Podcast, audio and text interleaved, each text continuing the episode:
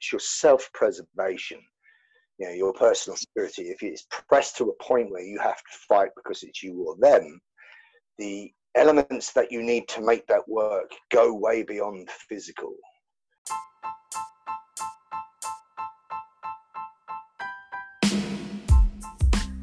I dag så er jeg så heldig med meg Lee Morrison. Ta seg opp på YouTube. Søk på Lee Morrison, Urban Combatives. Han er grunnleggeren Urban Combatives, og de fokuserer veldig på det mentale, det psykiske rundt det hvordan man skal ta vare på seg sjøl. Mange kan se på han som litt ekstrem og går litt ut forbi boksen, men han har holdt på med dette lenge. Han vet hva han snakker om, så jeg håper du setter pris på intervjuet. Og nå framover så kommer det til å komme episoder hver uke, så følg med. Gled dere til intervjuet nå. Ha en god helg. Ta vare på deg sjøl og dine.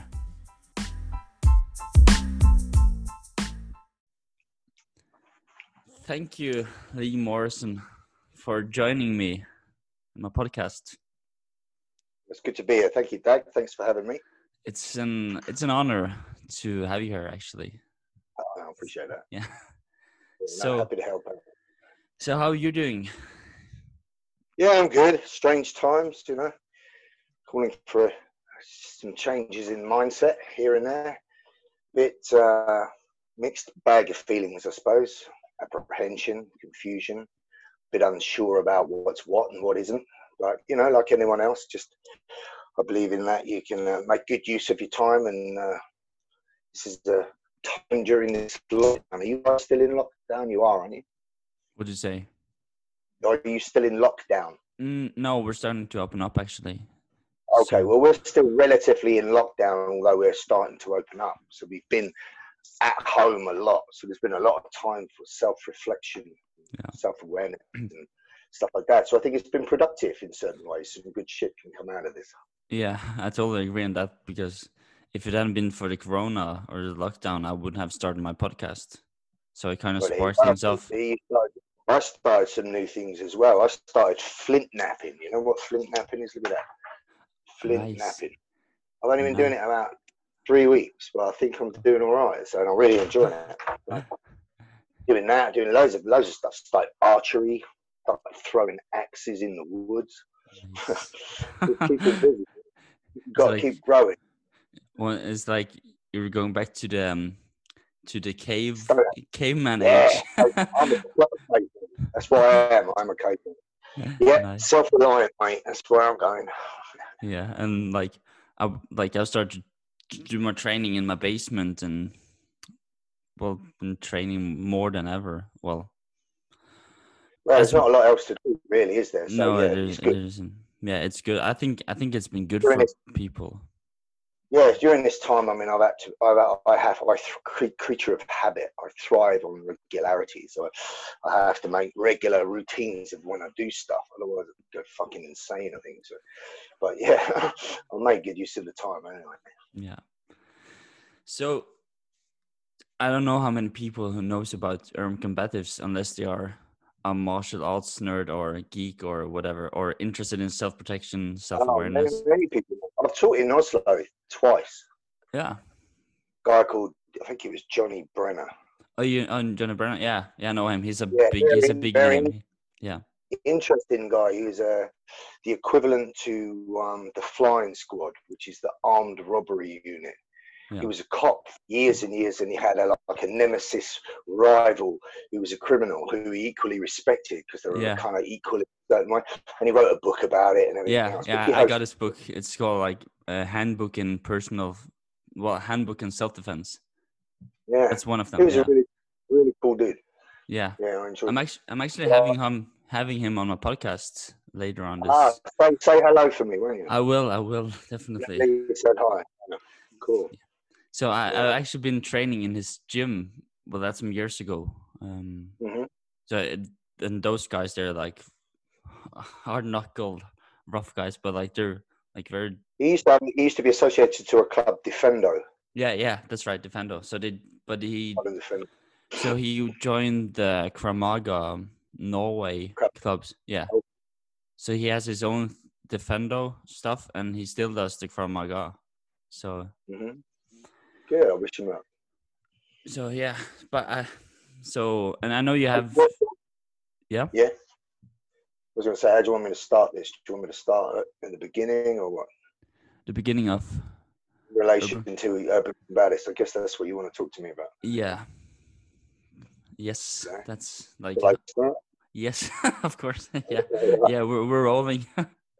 All right. Okay. So basically, um, I'm nobody important. I'm just somebody that's come to similar conclusions as others via similar experience. So my experience for dealing with violence came from the real event of violence, and that started really quite early in my life.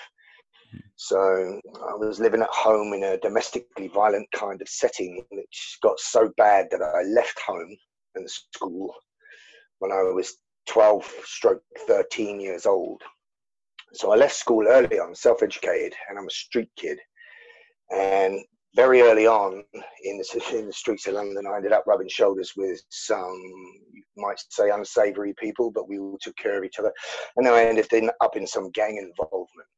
And then uh, later, I was involved in football violence and various other things. But the commonality that kept me on a path was martial arts. So I started my martial journey when I was 11 years old. So I was on a bus in London, London Transport bus upstairs, double decker bus, and I sat down in this seat, and there was a poster magazine called Kung Fu Monthly, which was in them days. It was a it was a Bruce Lee poster magazine. You fold down and fold out. I've never seen this Bruce Lee before. Anyway, I looked at this magazine and see these pictures from Way of the Dragon, etc., etc., and I was immediately hooked. I knew that that's what I wanted to do. I want to be like that. I was going through a period of bullying at school, and uh, like I said, you know, domestic violence at home. Mm. So I was kind of a sheltered, quiet kid. Didn't, you know, wasn't naturally athletic. Didn't fit well with the it kids, if you like. So it's a bit of a loner, you know, which makes you get picked on. Anyway, tried to find the closest martial art that we could, and all there was then, she's talking 1978, 79, was traditional karate. So I started with traditional karate, Wado-ryu, and I went to Shotokan and I trained at this club called the Budokwai, very famous judo club in London. So I started judo as well. So I did judo and karate the first five, six years. Mm. And then eventually I moved to a myriad of martial arts, cut that short. You know, I trained in Eastern, Western methods of um, martial methods, uh, Okinawan, Filipino, Japanese, Thai, you name it. And from the day of 11 to now, I'm 52 years old now, um, I've never stopped training. So apart from injuries, and even then I visualized in my head. But the, my introduction to dealing with violence came from the street. And you know, um, it continued in my research anyway. 19 years old, I went into strength training. I wanted to put on some weight because I started to work on the doors as a nightclub doorman. And between where I lived and where I was working, it became like a training laboratory. We instantly found out what worked and what didn't work. Yeah. So I was training with some really good people. I was training Thursday, Friday, Saturday. Sunday. Um, if I was training on a, a, Saturday and a Sunday, following Thursday, Friday, Saturday, Sunday evening, I would be finding out if it worked or not. And over that period of time, bearing in mind doing the doors was quite different back then. There was less CCTV. There was more um, gratuitous violence. Now it's more of a meter and greeter door steward. Yeah. Whereas in my day, more cooler, you know, a bouncer, that kind of thing. Anyway, the, the door gave me an education as quickly what, what worked and what didn't. And what I found was training with all these different people in different martial arts, they had little bits and pieces, but it wasn't what I was looking for. So I decided to start figuring it out for myself. So about me and four other like-minded guys, we all worked together on the door. We hired some gym space. And um, I didn't want to teach initially. I didn't want to come and you know, teach anyone anything at the beginning. I didn't think I could do it. I just wanted meat puppets for testing. Hmm. So we would. Uh, excuse me, I'm going to have to hold a sec. Yeah, okay, I'm going to have to come back to a pause. Yeah. yeah. yeah. All right, so we got together in this gym space, which we hired, cost us about 10 quid a week. And basically, we had minimal kit, maybe a gum shield and a groin guard. And we would like just fight, just tear it up, much like Geoff Thompson's Animal Day. If you do your research, Jeff Thompson did a reality based kind of Animal Day training, Mm. which was full contact to knockout or submission. And we tapered it and we would put it into more of a scenario context. So in a place in this building, we eventually got evicted because we we broke the uh, restroom up from scenario training and various other things. And now nobody died, I don't know. But initially, it started as a testing ground for me to take what I thought was useful and pressure test the shit out of it. Mm. And if something proved workable on the door, I'd revisit it in the class and see why it worked, how it worked, how I could make it better. So, what that allowed me to do was boil down to an essence of what worked and get rid of or dismiss the, the superfluous shit that didn't work. Sort of Mm. wheat from the chat, if you like. So sounds. And here's so- what I found. What I found, these are my conclusions, right? From a training perspective. Your training should not be technical technical based. It should be principle based. Hmm. And where possible, from a tactical point of view, if you want to use that term, you have the highest probability of success if you go first. So preemption. Mm, yeah. So the person that goes first with the most will usually come out the best. That's the first thing I learned. Second thing is, don't get caught up on techniques. Like I said, you know, take the principle. So understand that combatives are designed for a level 10 threat. So a level 10 threat is where you are potentially facing deadly force. Hmm. Definition of deadly force. Any force offered to you that could create grievous bodily harm to you and or your death.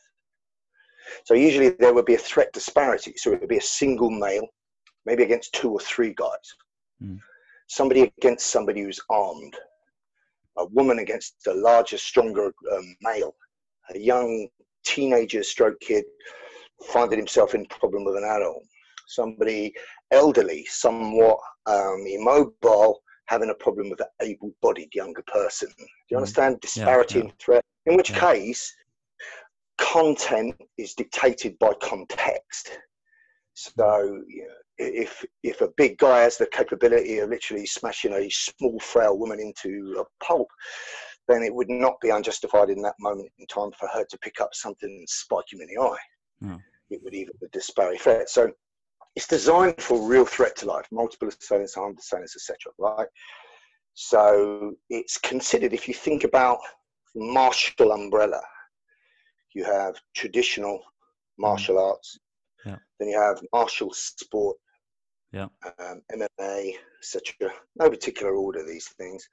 Then you have run of the mill self defense, which is the kind of shit taught at your local leisure centre, where some retired British Army guy teaches you how to break away against the Oh, thumb. yeah. That Yeah. kind of stuff, you know, Yeah. kind of mild conflict management. And then you have so-called reality-based self-defense. So so-called reality-based self-defense has everything in it from great to not so fucking great. Yeah. Right? But I'm not in the business of dissing anyone. If I haven't got anything good to say about something or someone, I'd just say nothing. But within the reality-based terminology, at the extreme end of the self-protection scale, you have combatives. Now, combatives are not style. It's not a system. It's basically a framework of concepts and ideologies and a way of thinking. So if somebody said to me, what is combatives? I say it's methods of countering violence and aggression. That's what it is. So if you look at the English dictionary, you won't find the word combatives, plural.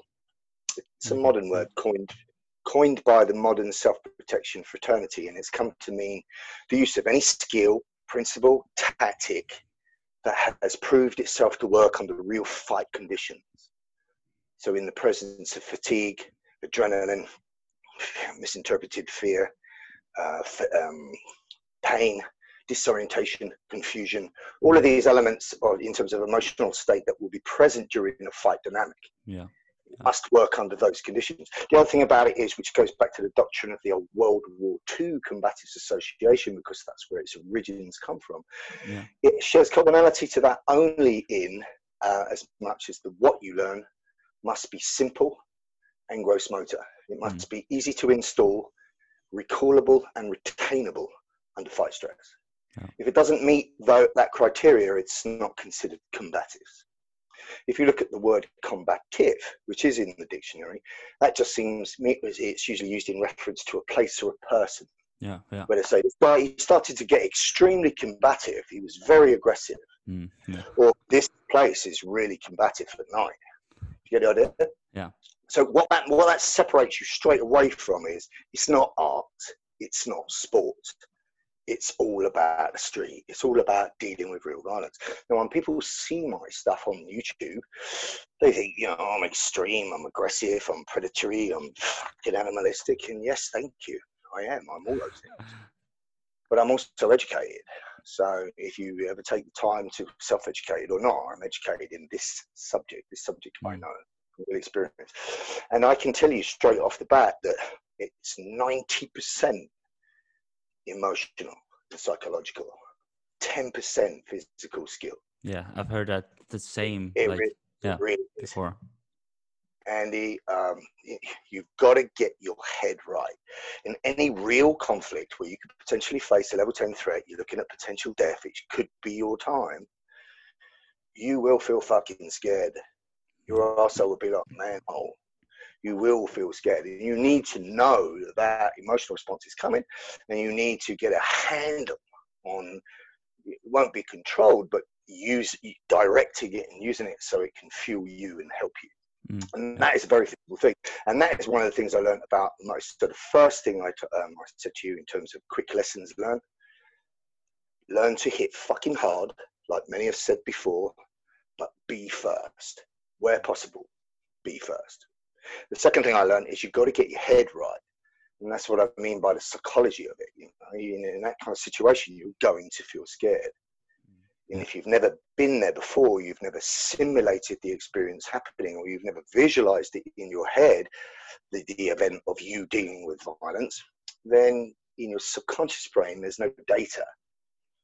There's no recallable information on the disk, if you like. So your subconscious brain will always do what's best for you if it has the choice. So chances are, if you've been involved in violence growing up, from home to school to the street to your workplace, as I have, Mm. you'll be familiar. In which case, to a, faster degree, you'll be a lot more desensitized to a point where you could potentially stay more cognitive rather than go into limbic brain and decide and act Mm. make Yeah. use of your inner loop. Yeah. But if you have no experience of that, then there is no information on the disc. Hence, one you know you get some lefty fucking softy liberal made of caster sugar suddenly get barked at in a subway, and all of a sudden he shits himself and he freezes. Yeah. Well, that's because his subconscious brain is searching for data banks. Oh, deal with aggression, dealing with violence. Mm, No, we Mm. have nothing. So it will freeze. Hence the state of hypervigilance. Yeah, I remember. So com- Yeah, I remember. Um, if I'm just gonna shoot it. I remember you. I was showing a video to some women. I was teaching self defense. Where you're telling them, you were telling, um, I think you were in your car. You were telling, okay, Mm. if you haven't experienced, like, don't blame yourself because you couldn't stand up. You couldn't handle that situation because there's nothing. There's, yeah, it was a clip. to all women. yeah, it was a clip. Yeah, yeah. I think it was more like a pep talk from you. It was it was a message to Yeah, all women. message to all women, yeah, yeah. Women in their Yeah, life Yeah, yeah, because it, it was prompted by a woman that had been in this British drama depiction, and I've got to say, British film drama tip top, so it's usually really good. There was a woman who worked in this parliamentary building. She wasn't um, a member of parliament, but she was quite well up there, and she had this job working in there. And, and one of her colleagues brutally raped her, Mm. And he brutally raped her on the premise that she was up for it because she actually had an affair with a secret service agent, and he'd seen it. So he thought, oh, I'm going to get some of that. Anyway, she froze and he raped her. It's horrible. Hmm. And afterwards, you see the um, case going on. I'll just tell you this really quickly. She's the lady who'd been raped is at home with her husband who's washing up, and the smart ass, pompous little lawyer has come round um, who doesn't care who's guilty or innocent. He just wants a conviction Hmm. and says to her, well, you know, why didn't you fight back? You make our job so difficult. You ladies, you just don't fight back. And she Mm. had no answer. Why didn't I fight back? She froze and it made her feel bad.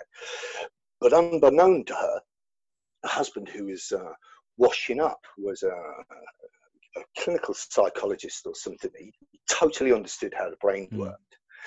And he took a, a knife, kitchen knife, and he come up behind this pompous little Alex and he put the blade to his throat. And Alex froze like this, and he said to him, uh, "What's going through your mind, Alex?" He goes, "Let me tell you what's going through your mind. Your amygdala, which is the sensor of danger, is going absolutely primal right now. Primal, instinctual part of yourself is just flapping like fuck. Mm. Your conscious brain, or what's left of your conscious brain, knows I'm not going to cut you with this knife. Why would I? I'm already in too much trouble. But your primal part of your brain knows the damage that you could do." So he says that he basically what he's saying is, you've never been here before. Mm. You've never trained to deal with this, and you've never even thought about it. In which case, your subconscious brain doesn't have a response. And then he says to him, and quite often when there's no answer to the question, your subconscious brain will simply do nothing Mm. in the hope that it will just go away. Along the lines of that. So he got in, and then he goes, understood. Mm. And it was a dawning moment for me because I've come across many women that I've taught, or many women over the years in many countries, many people, thousands of people. And uh, I've worked with rape crisis centres and uh, domestic violence units. And the woman always gets what we used to call the black dog, Mm. where Yeah. she beats herself up because she Yeah. didn't fight back. Yeah. And it's compounded when she's in a relationship with a husband where the husband goes, Why didn't you fight back? Why did you let him do that? Yeah. And I wanted to give the message of that simply. She had no idea that that could happen, had no training for that event, and it never happened before. Mm. So she had no data on the disk. Yeah. Subconscious brain will always do what's best for you if it has the, Yeah. the opportunity. Yeah. He didn't have it. So it was left with one choice freeze. Mm. And the amount of women that come to wrote to me afterwards and said, Do you know what? You just cleared up something for me that is it's like throwing a chain off me because I didn't know.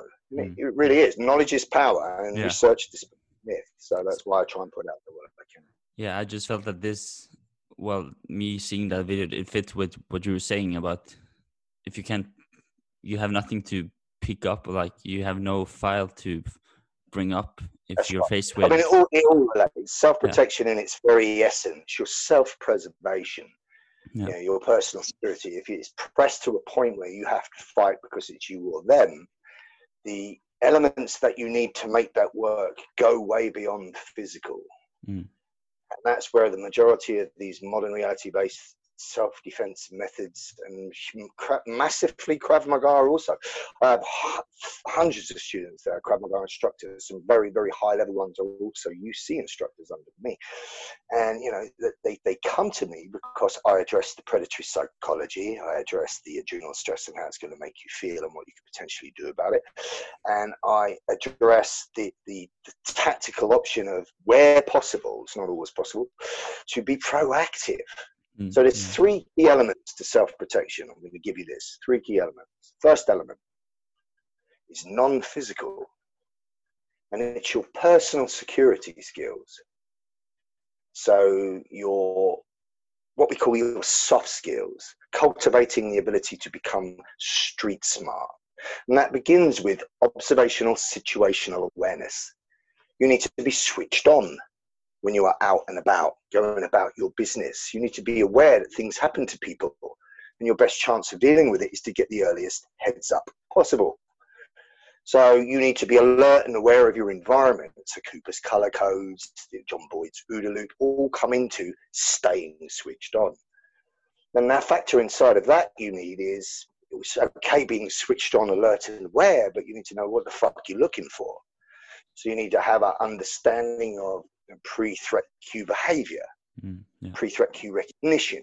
Understand what it means if three guys are walking this way, and the guy in the center hard stares you, and then he looks and talks to his two friends, and then all three of them hard stare you. Understand what that fucking means. That means they're interested. You look food, and you're about to get fucking eaten. Mm, So if you could, so let me t- use that example. Guys walking this way, three guys coming this way. Let's say I don't know, it's football day, football related. Mm. You know, these guys are all fucking Millwall, and this guy's got no shirt on, nondescript, but he looks dodgy on his own. So one person looks at him. That's victim selection right there. Mm, yeah. That's assessment, victim assessment to selection. And then he confirms with his two compadres so that they all look at him. So group communication, group hard stare. Much more information than that. You need to know that you've got a fucking problem coming. But then you should be having it on your toes. You should be running, right? Yeah. Best response to self protection of all is don't fucking be there. Yeah. So I push this all the time, right? If you ignore that, what's going to happen now is you close distance. They're going to cut across your path, so they're going to arrest your movement. And then one will engage you in some brief dialogue while the other two triangulate, so you're now in the middle. Mm. And they might have a bit of fun with you first, where one punches you in the back of the head and you turn, and then this one punches you, and then they swarm. And as soon as you du- you're down, they will stamp and kick you senseless. Yeah. That's if they don't use a weapon. That's the MO for a multiple, multiple assailant scenario. Mm. Right? Now, if you watch that on a video, rewind it. What fucking point do you want to take part in that?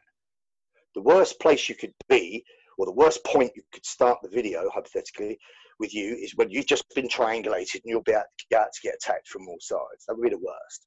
Mm. Rewind that back now, and it's still in front of you, about to cut off your path. Well, it's almost too late now. You could get your hands up and you could tactically move to a position so it's difficult for them surround, to surround you, but you'd have to get preemptive pretty fucking quickly to get the numbers down.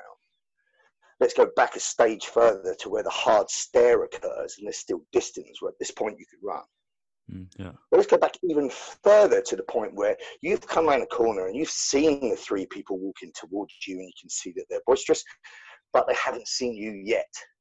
And you now decide, you, or, you observe three individuals potentially hostile, you orientate, I don't really want to be here, you decide to escape and you turn a corner by doing so.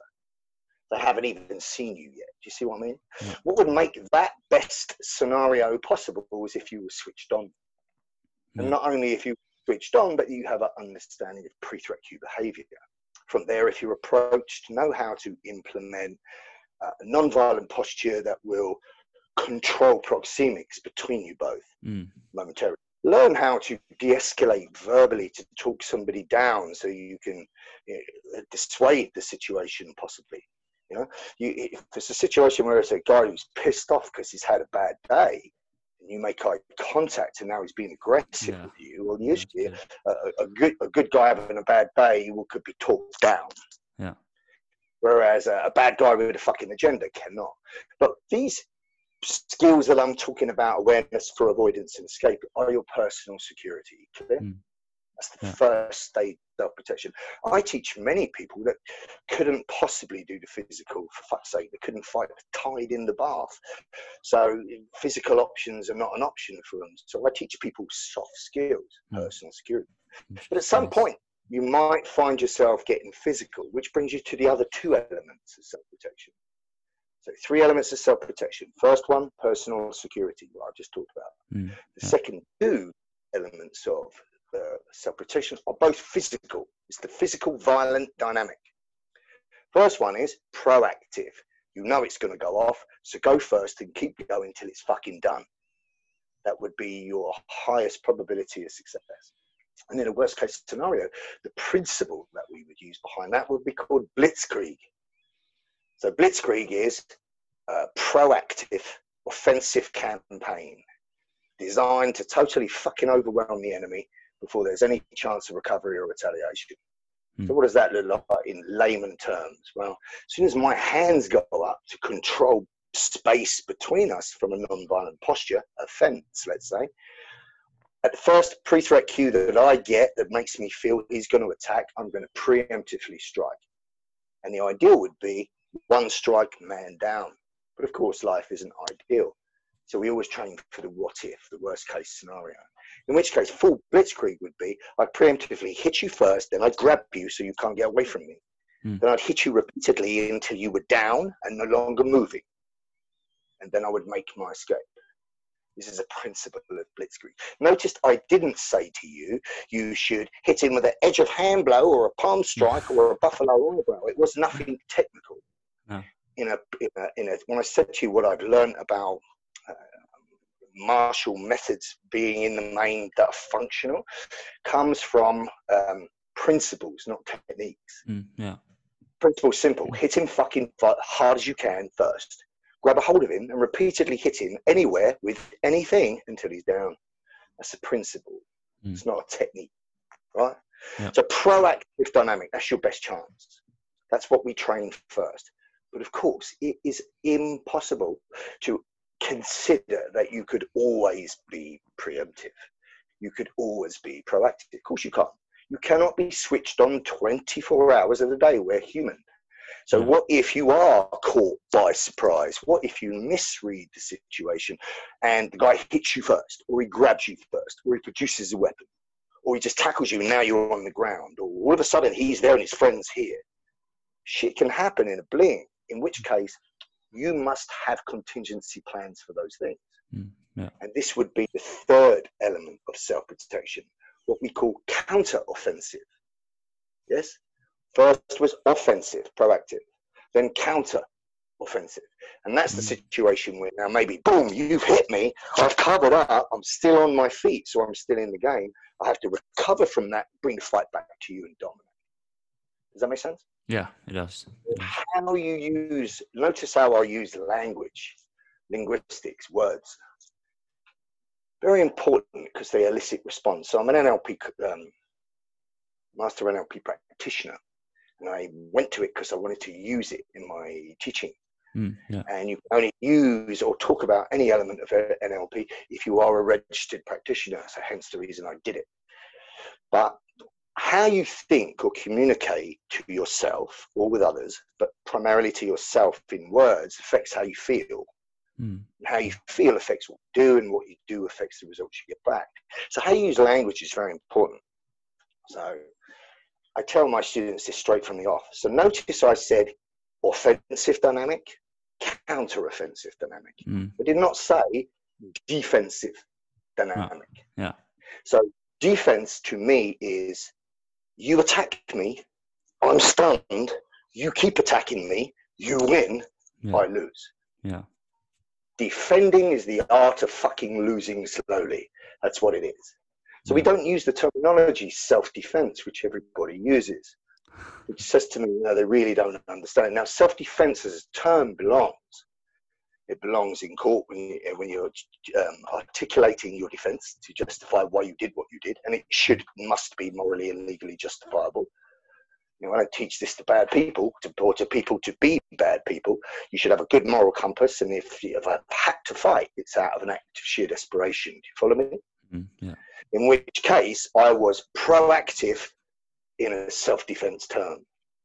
So the word, so when I say another example how we use language, if I get two students in a class, I will not say, right, you're going to be the victim and you're the aggressor. Because straight away I've disempowered the person that is the victim Mm, and I've empowered the guy that's the aggressor. Yeah. I won't do that. Instead, I'll, I'll, I'll keep it neutral. I'll say, you are selected target, selected subject, Mm. and this is potentially problematic subject. Yeah. So it's neutral, no emotion. yeah. But if I want, if I want to create an emotion, an emotional elicitation of an emotional response. So what would be more useful if you was about to face somebody that could beat the shit out of you in the street? What would be more useful to you in terms of how you think and feel? Would the first one, oh shit, I'm in trouble, or the second one, bring it on, I can't wait to test my skill? Mm. Which would be more useful? The second one, right? Yeah. Of course. But people say that's antisocial. Violence is antisocial. Yeah. Getting living fuck kicked out. Uh, you're waking up with a drip in your arm. Your whole family's got a vigil, vigil behind, around your bed, and your mum don't recognise you anymore. Yeah. That's antisocial. So in order to deal with antisocial, guess what? You've got to be fucking antisocial, right? Yeah. So you must cultivate the correct mentality and thinking before the event. Your pre-flight perspective Okay. is Yeah. So I would say to the student, right, uh, I might say, you have been selected target, and Yeah. the person that you've got to deal with is meat. Right? He's meat that you are going to devour. Straight away, a different thinking Yeah. Yeah. The subject, the the student that's going to do the skill counter offensively, he's not thinking as a victim, he's thinking as a predator and he's not thinking about the person as a, an aggressive uh, threat. He's thinking of him as a challenge he can overcome. Mm. Does that make sense? Yeah. Just by does. using Yeah. that Just for using that terminology. That's Yeah. the massive difference that makes a difference. And I use another. So imagine you walk into an elevator, and as the door closes, two aggressive subjects get in the elevator. You can see their eyes are wide as fuck. They're off their head on something. They're really animated and they're aggressive, coked off their tits, let's say. Now you're stood there trying not to make eye contact with your hands against the wall in a, in a natural, unconspicuous position, trying not to fidget. And these two are getting more and more animated, punching the walls of the lift, talking about how when they get up the top floor to see matey, how he's going to get a proper fucking beating. Can you imagine that scenario in your head? Yeah. Right. How do you think you would feel in that little trap steel box with two potential sociopaths? I'll put it to you that you will feel fucking scared. Yeah, yeah, that's that's how I'm thinking. Yeah. I put it to you that your heart rate will start to escalate. And very quickly, you're going to go from cognitive brain, where you can logically think, to limbic, Yeah. where you're left with the intelligence of a dog. All you know is fight, flight, or freeze. Yeah. In which case, how you communicate to yourself in your head with your words now is everything. So imagine being in a situation, if I look up and make eye contact, they're going to go, What the fuck are you looking at? And if I don't make eye contact, they're going to look for it and think I'm scared and pick on me anyway. So you can't win, right? So you've got to get your fucking head right, which is, you know, the second conclusion I came to. You, your thinking must not be, oh my God, I'm stuck in this steel box with these two lunatics. I'm fucked. If that's your thinking, you're fucked. Yeah. Instead of that, reframe that shit. Change the way you think. Oh, I lost. Yeah. reframe reframe the way you think about that shit. So instead of thinking, "Oh my god, I'm stuck in here with you two, I'm thinking, "You two cunts are stuck in here with me." Very, Yeah, very yeah. different. Yeah. So like three guys in an alley. Oh my god, there's three of them. Or multiple target opportunity, the golden opportunity to test my tools.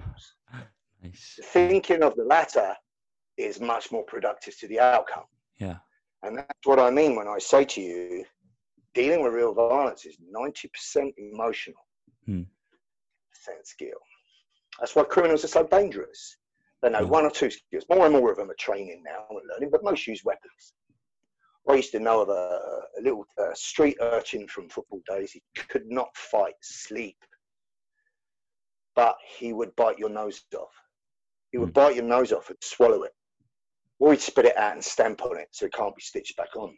And everybody knew that he would do that. Hmm. It was his attitude and his mindset. So there's another guy in this business, Russell Jarmusty, the old school doorman martial artist, great martial artist, teaches reality based stuff. And he says, understand what martial means. Martial means warring Mm. it- warring art. Well, you're, that's an, it's an art surrounded about the warring part. What martial really means is mindset. Martial means mindset. And without the correct mindset to take part, your skill is superfluous to the event. Do you know what I mean? Yeah. Yeah. So combatives is, is much more about that, and that's it in a nutshell, really. So, um, I, like I said, I didn't really want to teach. We started to, I started to go on seminars all over the place to train with top people. Very quickly, they made me instructors in their thing, which helped my learning. And I usually become the top boy in a class very quickly. But I didn't want to follow.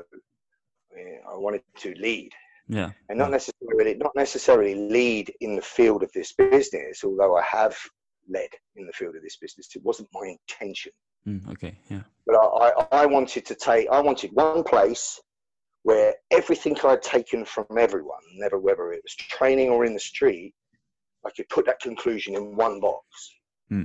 and that's what culminated my curriculum so we started it with about five of us who beat the shit out of each other in a club they told friends they told friends before you know it five was 15 Hmm. and then I started to have to cultivate some kind of curriculum. So I cultivated a curriculum, and UC was born. Then, uh, literally a year down the road, another top self-protection instructor in England, uh, um, Dave Turton, put me in touch with somebody that wanted to make a video, and I made my first video, Fight Back. And at that time, internet was just starting. My first ever international seminar. So bear in mind now, UC's been teaching abroad for 20 years over 40 countries globally, worldwide, yeah, all over. And my very first place ever was uh, a place called Slagelse in Denmark. In Slagelse, okay, yeah, okay, yeah, I know. I've been, I've been in Denmark. Yeah.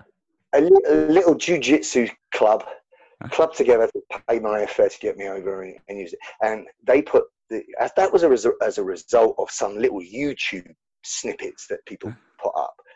And then they put up clips, they put up clips. Before you know it, I started to develop profile. I got a lot of help with my profile with Geoff Thompson, for which I'm uh, very grateful. He's a brother.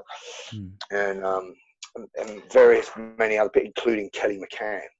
I can remember 15 years ago really wishing I could train with Kelly McCann because he's somebody that I really modeled and emulated.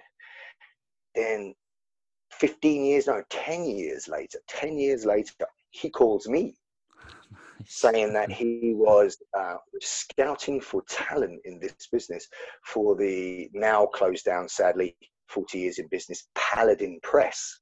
Mm. Paladin Press had an action library that is, you know, covered everyone who's anyone ever in this business. It was a great platform. And he flew, flew me to um, the Crucible, and I shot two videos there, and that was the beginning. And that opened me up in America. And then fast forward, you know, five, six years, it's, it's boomed. So literally before this ridiculous pandemic, pandemic, did I say that? I meant pandemic. This, there was this um, absolute boom in UC where it, my, my career is going where I wanted it to go. And it was never an aspiration of mine. It was never about money. I just wanted to help people. Yeah. But of course, you know, I've got to live. And then we were hit with this thing. Yeah. And so, and like I said, the rest of the time now we've been in lockdown, been solo training every day. I've been doing Zoom seminars and workshops online and using the media platform to keep the UC community alive. So what happens next now? You know, I'm unsure. I'm pretty sure that we'll be in for another secondary lockdown come November, Mm. and then uh, we'll just see what happens. Who knows? But what one thing is for sure: self-preservation skills are becoming a fucking necessity. Yeah, totally. With, with, with the current climb, the way we're looking at, we're looking at potential, you know, civil unrest, Yeah. economic crisis, possible food shortage. Nothing good comes out of that. Yeah. So um, I would say to you people out there, sharpen your X's. you know, get yourself prepped, prep yourself mentally, physically, get physically fit and capable. You know, you, you know this terminology that they use, EDC, everyday yeah, every, carry, everyday carry. Yeah, yeah. Geek Squad, right? With that said, I am a proper member of Geek Squad.